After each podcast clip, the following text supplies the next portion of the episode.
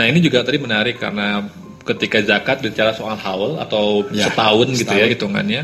Ini juga menarik karena eh, ada ke- ada beberapa sebagian kalangan juga yang dia zakatnya ya udahlah zakatnya saya cicil sebulan saya ngeluarin dengan niat zakat gitu ya. Ya, ya. Jadi nanti ketika tepung tahun satu satu tahun gitu ya dia tinggal ngitung selisihnya Oh, aja gitu, gitu. ya, ya, ya. Itu sebetulnya apakah zakat itu harus sekaligus di akhir tahun gitu lah Ah. katakanlah ataukah boleh kayak tadi prinsipnya sebulan keluarin Oh, diniatin ya. sebagai zakat.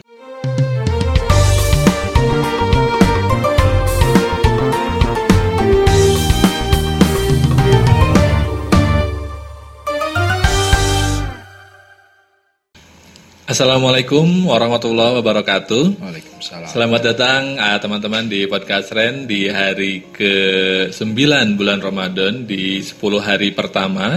Mudah-mudahan puasanya masih semangat, masih kuat walaupun biasanya godaan untuk mulai menurunkan ah, kehusuan berpuasa ini mudah mulai muncul karena kita mulai akan masuk ke 10 hari kedua.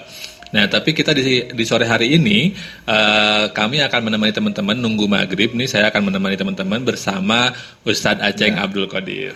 Selamat datang Ustadz. Assalamualaikum. Waalaikumsalam.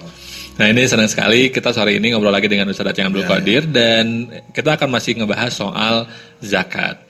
Kalau kemarin kita ngobrolin soal perbedaan antara Ya. zakat, sedekah dan infak. Nah, saya mau khusus sekarang spesifik soal zakat yang tadi secara operasional lebih spesifik ya aturannya ya. Harta tertentu, orangnya tertentu, apa namanya eh, yang mendapatkannya juga tertentu dan seterusnya.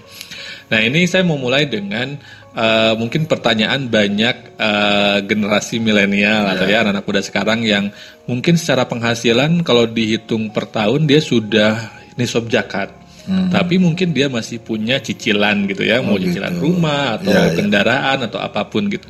Nah, sebetulnya kalau begitu itu apakah dia sudah wajib berzakat ataukah tidak? Nah, ya. Eh, untuk masalah zakat penghasilan itu memang sudah diwajibkan oleh MUI Hmm. ya. Eh, MUI sudah mewajibkan karena zakat penghasilan itu sebenarnya kias itu. Hmm, Ya, kias daripada zakat dagang gitu. jias sudah. Ya, makanya nisob pengeluarannya itu disesuaikan dengan eh, nisobnya Tijaroh itu ya, Jaro itu tijaroh ya. ketentuannya ya untuk penghasilan itu. Hmm.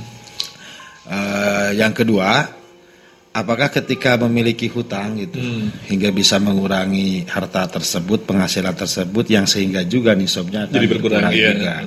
Ya kalau menurut saya jelas ya. Hmm. jelas karena penghasilan itu yang mencapai nisab yang Hmm. yang wajib dizakati. Kalau penghasilannya yang belum mencapai nisab perdagangan itu Hmm. ya semisal dalam setahun penghasilannya masih di bawah nisab ya Hmm. berarti belum belum wajib zakat. Tapi kalau sudah setahun mencapai nisab tapi berkurang dengan adanya cicilan, Cicilan. maka ya belum nisab berarti Hmm. gitu. Ya jangan cicilan. Kita eh, analogikan dengan apa ya? Dengan zakat apa yang nisab itu ya dagang, dagang, zakat dagang. Itu hutang itu Hmm. tetap Hutang harus dia ke dibayar. distributor gitu ya, dihitung dulu berarti ya, Dihitung dulu hutang. Itu kalau memang dengan sudah hutang sudah masih nisab berarti ya. Hmm. Gitu. Jadi nisab itu setelah hutang intinya hutang. Karena karena gini, hutang wajib, zakat juga wajib gitu. Hmm, dua-duanya kewajiban. bega- Dua-duanya kewajiban dan adanya zakat itu haul biasanya. Hmm. Kemudian adanya eh, apa tadi Hutang. hutang itu biasanya tempo kan gitu. Oh. Jadi itu sebenarnya sih kondisional. sebenarnya. Yang jelas ketika haul apakah uang itu masih ada ataupun nisabnya masih eh, ada ataupun udah tidak sampai Hmm. ke satu nisab. Itu yang pertama. Emang ini zakat itu harus ini ya harus satu persatu dibahas gitu. Karena beda. ya, Contoh kita rikaz, rikaz itu barang temuan. Barang temuan ya. Itu nggak mungkin kita buat cicilan rumah yang nggak ada. Wah, iya, iya. Langsung aja dari dari hasil itu Dikeluarkan zakatnya. keluarkan. Tapi untuk zakat penghasilan seperti zakat dagang gitu. Hmm, Kalau emang ter terkurangi atau berkurang oleh oleh cicilan hutang dan sebagainya yang harus dibayar Hmm. pada saat sebelum haulnya eh, penghasilan tersebut ya berarti Berarti yang dihitung adalah cicilan yang harus dibayar pada tempo satu tahun Ya, itu. ya, ya, Jadi ya. kalau cicilan rumah 15 tahun jangan dihitung 15 tahun. Jangan. ya, Keenakan setiap, nanti ya. ya, keenakan setiap ber, itu setiap setahunnya itu karena Hmm. batasannya kan setahun awal itu. Ya, misalkan kayak cicilannya satu juta setengah per bulan, berarti setahun sekitar ya kata katakanlah 18 juta. Ya. Berarti angkanya dihitung dikurangin 18 juta Nah, aja gitu. berarti ya. Nah, ya gitu. Nah. Oke. Terus itu tadi takutnya saya apa menaukidi kembali, menguatkan kembali. Ini tertentu ya. Hmm. Jadi jadi eh, hukum dikurangi oleh peng eh, oleh hutang itu tertentu. Karena kalau barangnya nanti barang tambang terus apa rikas Hmm, itu itu nggak bisa. nggak bisa. Jadi memang yang penghasilan yang Penghasilan. itu dikiaskan kepada zakat tijaroh Nah, gitu ya. jaga tiga. Hmm, baik baik. Nah ini juga tadi menarik karena ketika zakat bicara soal haul atau Ya, setahun gitu ya setahun. hitungannya.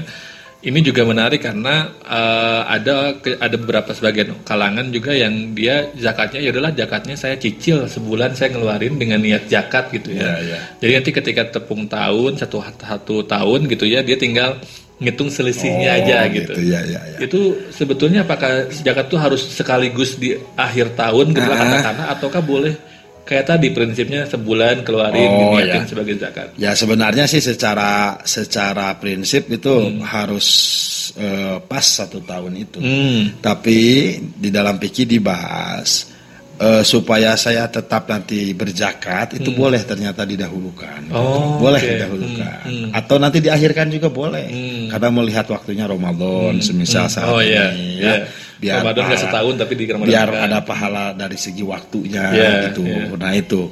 Yang jelas eh, nanti ketika memang sudah pasti zakat tahun depan dan zakatnya dicicil, ini sudah pasti zakat. Ya, ya. Sudah pasti zakat, maka dicicil dari sekarang nggak masalah, nggak masalah itu. Hmm, Tapi kalau masih belum pasti, ya Ya, udah nggak usah, nggak usah za- zakat aja lah, nggak Hmm. usah zakat. Makanya karena zakat itu kan tadi tertentu, apa apanya tertentu gitu. Ya, ya, Caranya ya. tertentu, waktunya tertentu dan segala rupanya juga tertentu, Hmm. sehingga yang belum pasti zakat nih bahasanya ya, Hmm. yang belum pasti zakat maka nggak usah zakat, dicicil Sedekah takutnya aja nanti gitu ya sedekah aja. Gitu. Hmm, hmm. Ya, ya.